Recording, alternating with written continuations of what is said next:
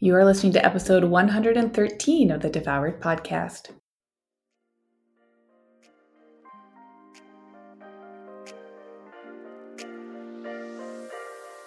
Welcome to Devoured, the podcast for women ready to release the title of Dieter for Good.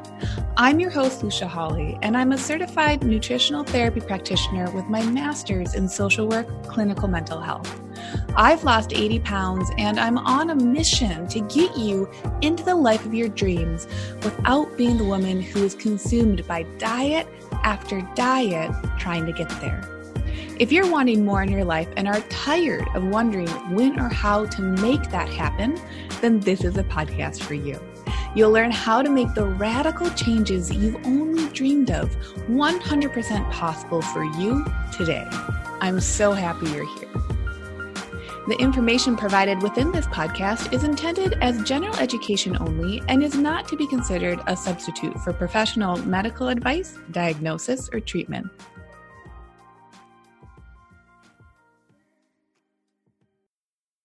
All right. Hello, hello, party people. Party people, pooper poppers. I don't know.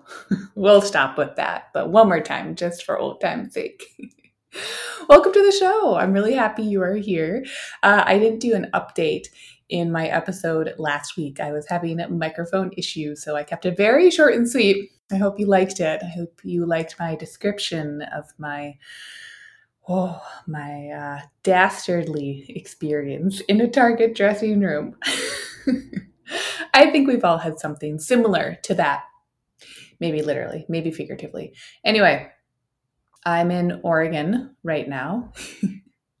I kind of like to be out of Oregon right now, if I'm being honest. Uh, still in Portland. Uh, there's been, I think, anyone who is up to date with headlines or news or social media knows that there have been a lot of wildfires on the West Coast. And while Portland, the city itself, is safe from fires at this point, at the time of recording, we are um, managing a lot of extremely poor air quality, extremely hazardous air quality. Uh, so my heart has been in a lot of different places um, for those who don't have access to indoor spaces and for those who are in more uh, delicate groups when it comes to health and uh, how air quality impacts that, and the intersection of wildfires and this pandemic, which also targets our lungs and you know circulatory system and all that jazz. So there's been a lot to be thinking on. it's been a lot, but personally, I'm, of course, very lucky and continue to be and have a wonderful home, a very safe place that we can create good air quality inside and we get to hunker down. So that's what we've been doing in my household. And so I count my blessings and I hold space for it being a hard time. It is just a hard time right now. So I thought today what would be really helpful because I, you know, I allude to this. I allude to this when I talk about lean and liberated, but I realize I don't think I've done a episode yet where I talk about how to build a plate. So, I wanted to break down the four aspects of how to build a plate and why these four aspects are youthful knowledge. Because part of what we do in Lean and Liberated is that the women who are coming in um, to this program have probably, and like definitely, have tried out a handful of diets over the year. So, there, it's not the program where I'm trying to convince someone to like eat broccoli. you're probably someone, if you're in the program or you're curious about the program, like you actually don't mind. I know I've said this on other episodes, but you probably don't mind like a big, beautiful salad. Do you want to eat a salad with like low fat dressing and dry ass chicken breast on the side? Probably not. and I support you in that for a lot of reasons. But it's not i'm not here trying to twist people's arms trying to like you know wax poetic about brussels sprouts or carrots or uh, lean meat or legumes or any of that. Like, for the most part, and I actually think this applies to people beyond the program or beyond who are interested in the program, really, I think so many of us understand what foods serve our health and the bridge that we're creating and like when i say that i mean like whole unprocessed unrefined foods like i think most of us understand logically that the the path to health probably isn't eating um, pop tarts only every single day. But what, where, and what the conversation is, is how do we bridge that gap if you have had and you know this is what i see that happens time and time again it's actually why i created lean and liberated is if you're having thoughts that aren't supporting you in figuring out which foods actually work for you that both include a wide variety of unprocessed unrefined foods as well as a smattering to your liking and to your desired amount of more refined foods or of foods that are not like what your great grandmother would have seen or recognized, you know, years and years and years ago. That's the bridge that we build in Lean and Liberated. While also, I'm thinking of like a math equation. It's like that plus that divided by still desiring to lose weight and feeling like there are a lot of circles right now in online wellness, in wellness in general, uh, in fad and in marketing, like the fads that we're seeing around health and wellness right now, too. There is a big push to say, like, well, let's not talk about health coupled with weight and coupled with a desire to lose weight. I think that that is trending. And I think that's really awesome because we are always going to see that in marketing, honestly, in almost any category or sector. You're going to see like things going from zero to a 100 in other in any category. So from like very pro dieting in this case to extremely anti dieting i think we need to have that ping pong kind of rebound effect because that's how humans learn. We learn something and maybe we realize we've been ascribing to a certain uh, philosophy or way of being. And once we understand that and we bring how maybe we've been acting subconsciously into our conscious thought well once we make a subconscious thought conscious, then we have to really reckon with ourselves God, do I want this thought? Or like, have I, do I actually want to continue to choose these actions or this way that I've been feeling? And so often i think one of the initial reactions is when we realize something we bring it into consciousness we then have a period of rejection. And we say no oh my god i'm going to swing and go the other direction because i don't like what i just realized that maybe i was opting into. So i know that that's a little bit more meta but i think it is something to be said because that's what i see a lot in especially around health and wellness is i see a lot of rebounding and so there can be these actions that people take, like trying all the different diets, and those can come from really awesome places. And they can also come from really not awesome places. And that can happen at the same time, right? Someone could say, I really want to reclaim my health. I want to do this, you know, um, X number of day challenge. I want to do it with friends. I want to be in community. I want to really, you know, like take refined sugars out of my diet. I want to retrain my taste buds because I want to feel better in these X amount of ways that maybe are really specific. And in your ideal life, the life that you're moving towards, your ideal goals, those make a lot of sense. Now, the thing that we do, especially in Lean Liberated, is that we say, like, okay, let's take that and then let's factor in, if we're going to continue with the math equation here, let's also add in what makes sense for you to do in the long term.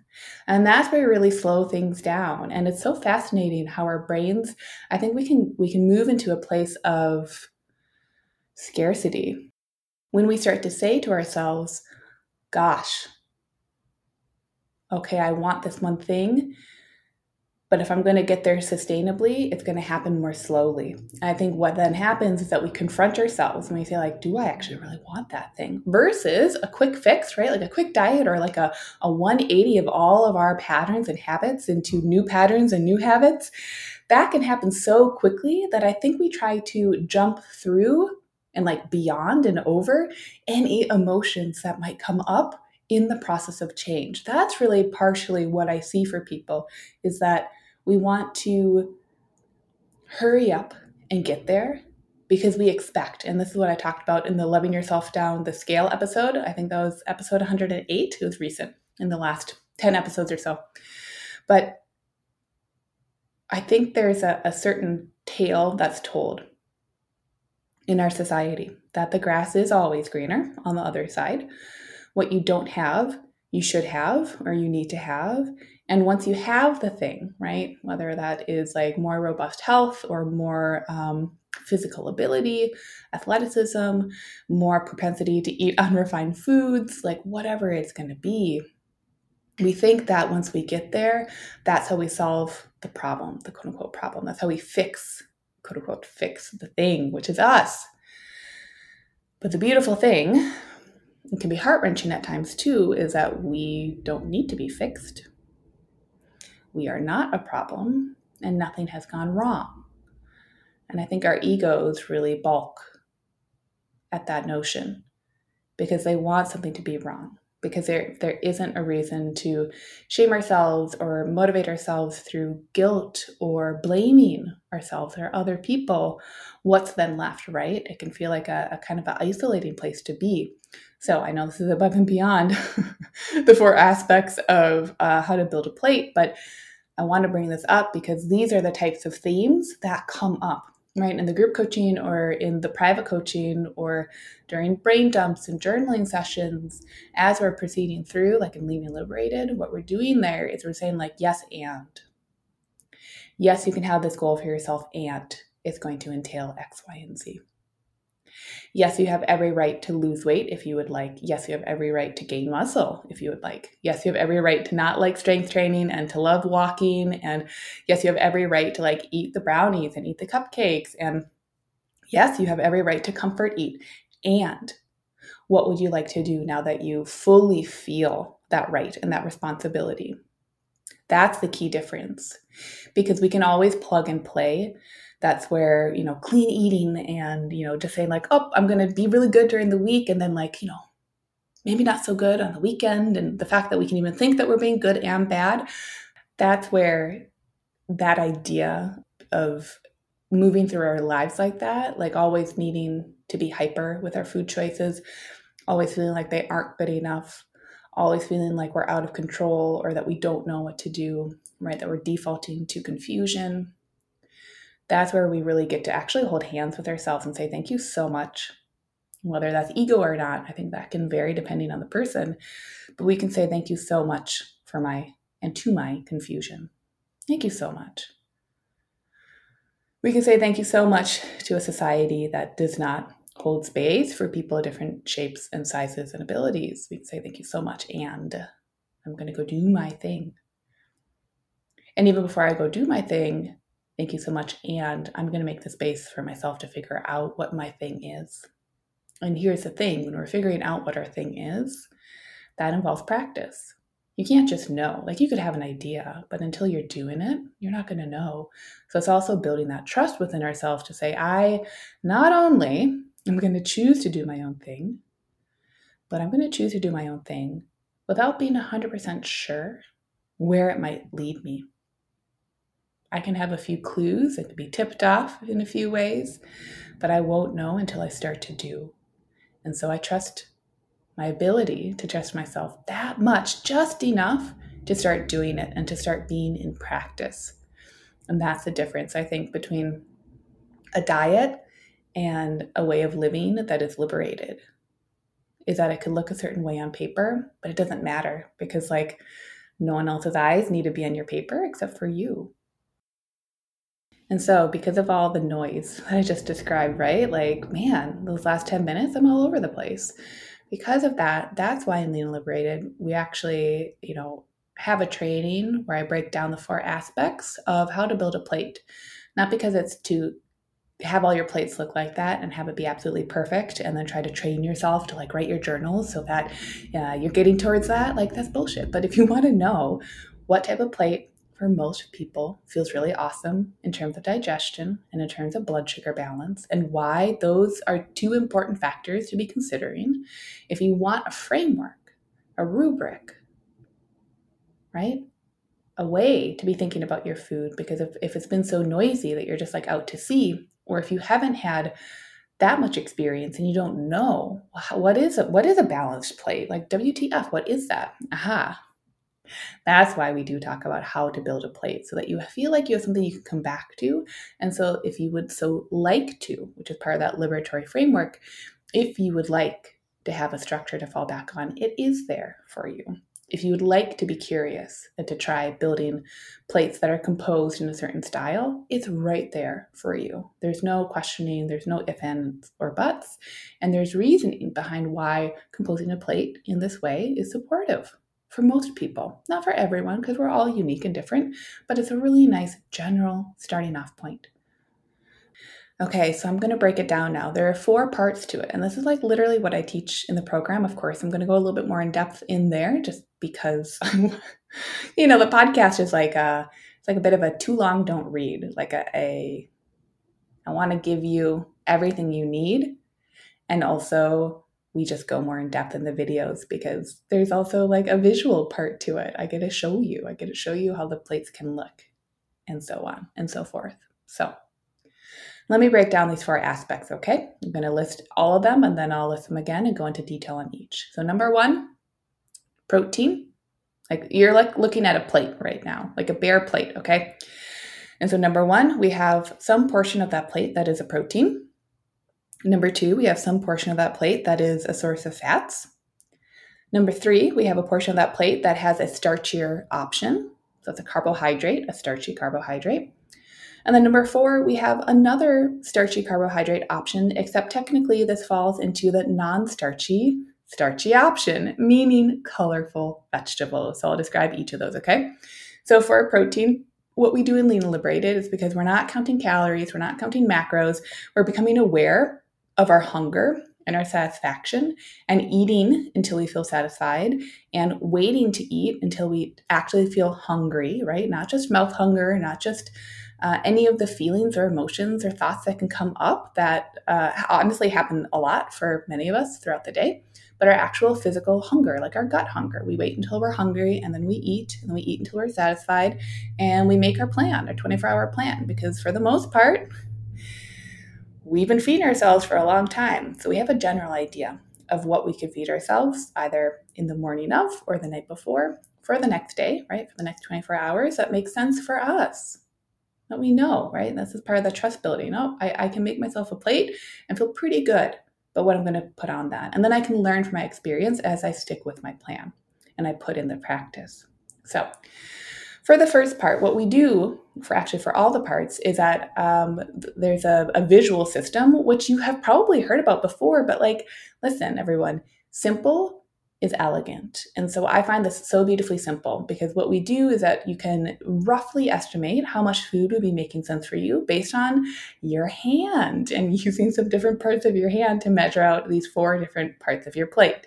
And what I love about this is like, uh, you know, let's say my boyfriend were to be using this method He's six four. He's a tall guy, so his hand matches his height.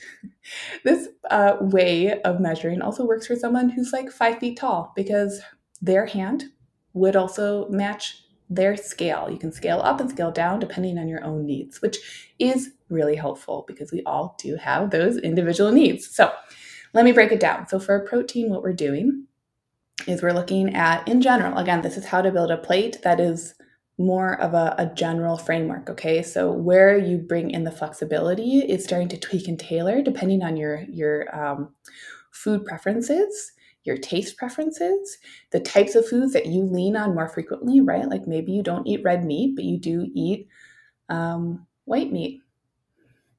Maybe you eat seafood and that, that's the only animal protein that you eat right there are a lot of variations here, so I'm not going to be diving into those variations in this episode. So if you have questions on those, you can always like feel free to reach out to me about them. But remember, like part of the practice is that the framework is general and it's general for a reason because it can become adapted to everyone's own needs pretty easily. Okay, so number one is protein. So for a leaner cut of protein, and for the sake of brevity, you can Google. Or Ecosia or GoGo Duck, different lean protein options, okay? But for the sake of simplicity here, for a protein serving in general, a protein serving at a meal that's about the size of the palm of your hand, or a little bit bigger if you would like, is going to be a really easy, beautiful way to gauge if you're getting in enough protein every day. So, with that, like that's it. It's the size of your palm, the size of a, a, deck of cards, but remembering that that deck of cards might look larger in some palms and not as large in other palms. So taking that with a grain of salt and really looking at your hand, am I getting in a serving of protein that meets the palm of my hand? And am I am I prioritizing protein? Because here's another thing. I think in general, and this is my own opinion, but in general, I would say most people are not eating enough protein. Now, that doesn't mean because some people are like, oh my God, I can never eat enough protein based on my macros uh, calculations that I have gotten from coaches or from online. I feel you. My protein goal, if I were to be measuring out macros, is a minimum of 175 grams of protein. That's a lot of protein.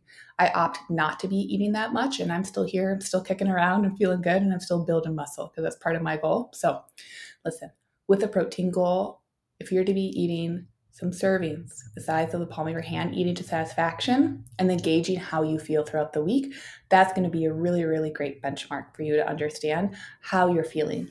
And I do think protein is important for weight loss, which is why it's an important part of our plate. It's also important for satisfaction, right? If you're someone who tends to feel very, very snacky throughout the day, uh, let's talk about blood sugar nothing wrong with being snacky, but if it doesn't feel like a, a choice you're making, it's for feeling more of like I have to. It's a bit of like an overwhelm, but like you're gonna, you know, crash or bonk or you feel really tired without having these snacks throughout the day. That's also an indication to me that we could be double checking protein intake and making sure that you're feeling like you're that your your body is getting what it needs in order to rest and recoup repair itself and that it's getting a variety of different protein sources because proteins are made of amino acids and we get different amino acids and different levels from different types of protein. So, in order to get a quote unquote uh, complete protein, um, maybe don't lean on just one protein source and eat a wide variety. That's it. I know some people love to talk about branched chain amino acids. We love to talk about whey and casein in the evening. Like, y'all, when I talk about these subjects, I'm talking about them in such a way because I really think, I said this just a couple minutes ago, simplicity is elegant and it sets us free. Because if we feel like we have to be ascribing to a certain diet, doing a bodybuilding style, style of dieting because of what we believe about um, body shape and how bodies look and what is an ideal physique and a non ideal physique, awesome, cool. But I want us to be leveraging the most flexibility like the you know the most bang for our buck. And when that comes to nutrition and food in my philosophy what is most liberating is what what is our own what is most liberating to me is what choices can i be making that are inherently the most flexible that they can be. So a serving of protein more of a lean cut and if it's a fattier cut cool just listen to the next point a lean cut that's about the size of the palm of your hand that you're eating to satisfaction. So, next up are fats. And for fats in general, I typically recommend whether it's an oil or a fat, or avocado, or nuts or seeds, or dairy, or that fattier cut of um, meat potentially. Regardless of what it is, eating about a thumb size portion of fats. You don't have to overthink it. Just be looking at your plate and seeing like, okay, is there some fat there? It'll glisten. Is it oily? It'll glean. Same diff. Regardless of where that fat is coming in, whether it's the protein and the other options that have been cooked in it, or it's a fattier cut of something and so it has fat within it. Um, whether you're dressing a salad, right, or cooking like greens in a fat, those are the fats that are going to come in a meal. Or if you're having some nuts and seeds or nut butter, etc., great. Those are the fats, no big deal. If you were to look at those, could they fill up? Like think of your thumb as a little vial. Could they fill up that vial? Great, was done. Same as a protein, we're just looking at flexibility and variety. Do we get a different variety of fats throughout the week, right? Do we have different cooking oils, cooking fats? Are we eating those different cuts of meat? Are we playing around with different nuts and seeds if that's within our wheelhouse? That's where we get to start. And you'll notice when I'm talking here, I'm talking about unprocessed foods. That's because these are the types of foods that are so supportive for digestion and they're so supportive for our blood sugar levels. And so that's why I come back to these because the practice then gets to be okay, if these are my foundation and baseline, where do I then get to play, right? Like, how do I fit in that uh, couple of, like those couple of cookies that I want because that's part of my flexibility and freedom. How do I factor those in after I've practiced this framework? So I have a really good understanding of how I can feel at a baseline level when I'm having these balanced plates. You see the difference there? It's not saying like, oh my God, eat such a perfect plate that you'll just never want a cookie again, because we know that that's bullshit. You might not want very many cookies, or you might want a bunch of cookies. We don't know. You all have our own reasons and needs that we eat and crave and love different foods. That's the individual work. But we do get to start out with the framework and say, okay, as I'm building these plates and coming back to these in a way that feels supportive, what is that then revealing to me about my appetite for other foods? And what would I like to do with it? That's the beautiful individual nature of it all. Okay, so then number three, right? Number one is protein, number two is fats, number three are starchier options. So, starchier options from um, unprocessed foods are going to be things like whole grains and legumes and fruit and starchy vegetables. So, vegetables like tubers, um, squash, potatoes, all that stuff. Uh, to, um, I was going to say tostones, delicious, but like things like plantains as well those starchier options. So I think a lot of diets very quickly tell people that they're going to lose weight quickly because you just cut out the starches, right? How many of us have gone on a low carb diet? Low carb can be a great tool to leverage. Um, I think whole food, unprocessed plates typically are lower in carbohydrates, but it's not many people that I'd recommend a no carb diet for. Of course, everyone has different needs. Everyone um, is working on their insulin sensitivity, whether they know it or not, when they're changing around their food options. And some people do thrive on lower levels of carbohydrates, but it's it's few and far between, in my personal opinion, who thrive on no carbohydrates. Of course, there will always be exceptions, but for the most part, what we're looking at with carbohydrates is a serving that's that's a cupped palmful Okay, one cupped palmful, which can look like an apple, could look like a potato, right? This amount, again, if it's if it's mixed with fats and you're taking that into account with 0.2, the starchier option on your plate is there to give you quick energy. There's nothing wrong with carbohydrates. For some of us, we need a lower amount. And for a lot of us, I think our starchier um, carbohydrate option is such a great place to be focusing in on fiber. And a few episodes ago, let's see, it was episode 98, I really focused in on the number one thing I think anyone could add into their diet to improve their health. And that was from more of a gut health perspective, which is my old nerdery 101. I love to nerd out on that stuff. I know I don't always go super in depth and lean and liberated, but that's because our focus is on more of the emotions and the process and the practice and the being. So that being said, when we're looking at our starchier options, how to build a plate and include one that is so supportive for digestion and for blood sugar regulation, it should be getting really curious. How much fiber is within that starchy carbohydrate option, and how much fiber would I like to be taking in? I typically find this is so unsexy, but here we are. I find that the higher the fiber the option, the more robust gut health and more robust variety of foods someone can intake in the long term because those fibers, insoluble and soluble fibers, are going to be so beautifully supportive for our gut health. And when we have supported gut health, right? And that's something that we're coming back to with regularity that we're practicing, right? We're practicing consuming fiber, especially things like legumes, I think are just such a beautiful food. Sorry to all the paleo people out there. I just, that's what I think. And I have felt and experienced too, the more we can be integrating different um, sources of fiber, the more our guts are going to probably express really robust ability to digest a wider variety of foods. And this is an important point because sometimes when I'm working with clients, right, they're, they're coming from such a restricted style of eating. Maybe they've really dieted down before and they're in a big rebound phase, or they feel like when they eat certain foods, the reason it helps them when they go like low carb or no carb is that they're taking out the carbohydrates and they're hard to digest.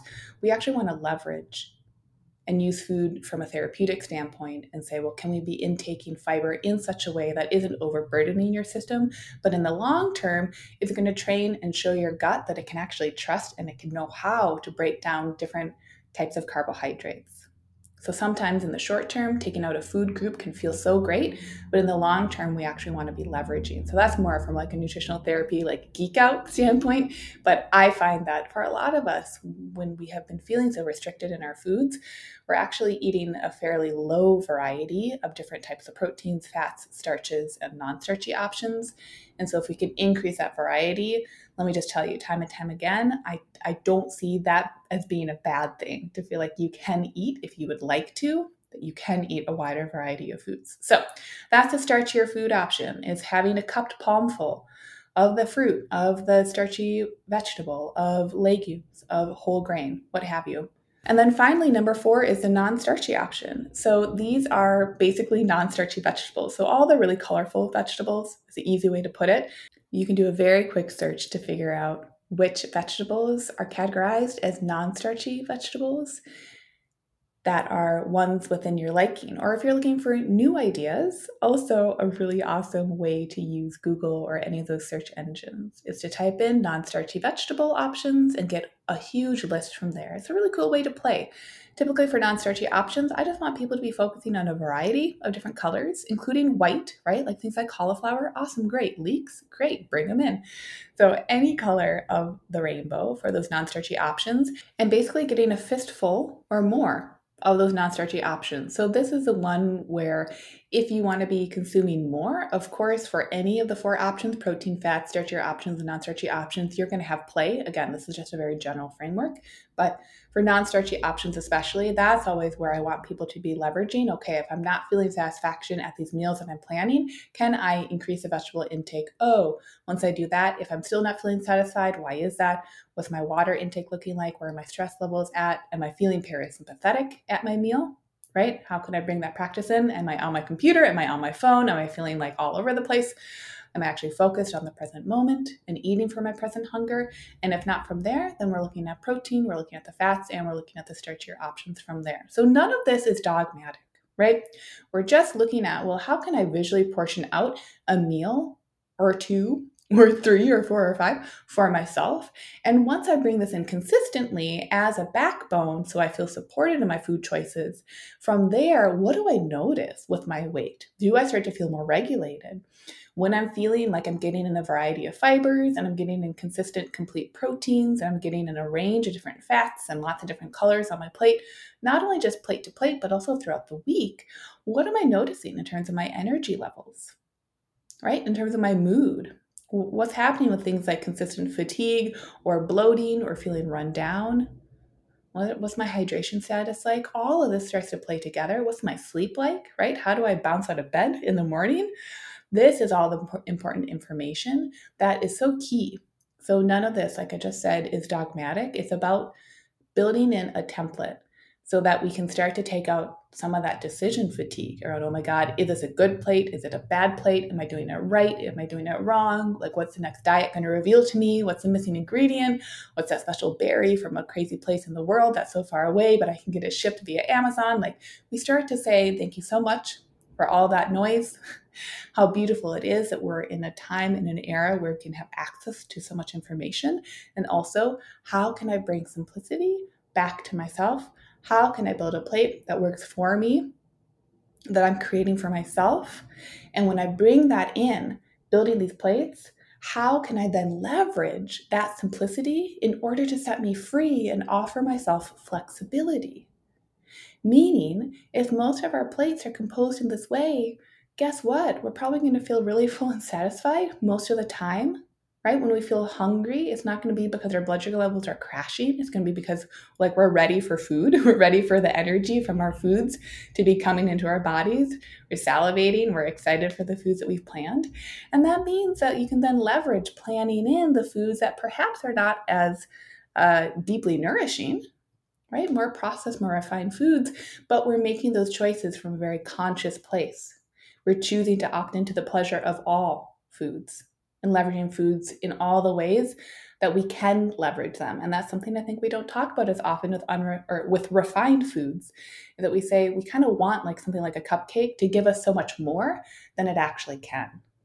Most cupcakes, even like a, a keto paleo version, like awesome, cool. If you like those recipes, great.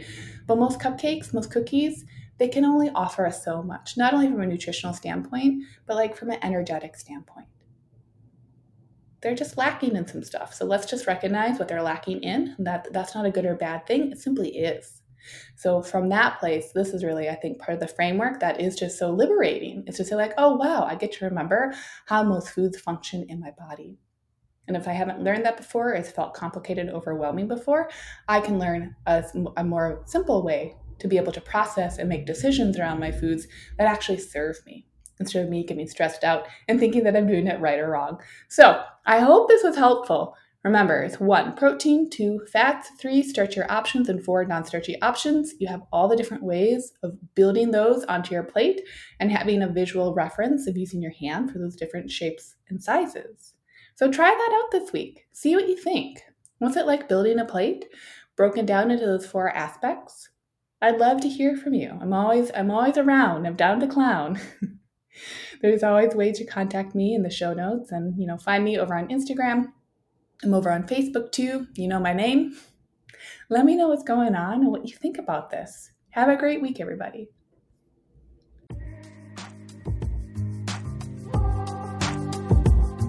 Okay, everyone, that's all for this week. Thank you for listening to this full podcast episode.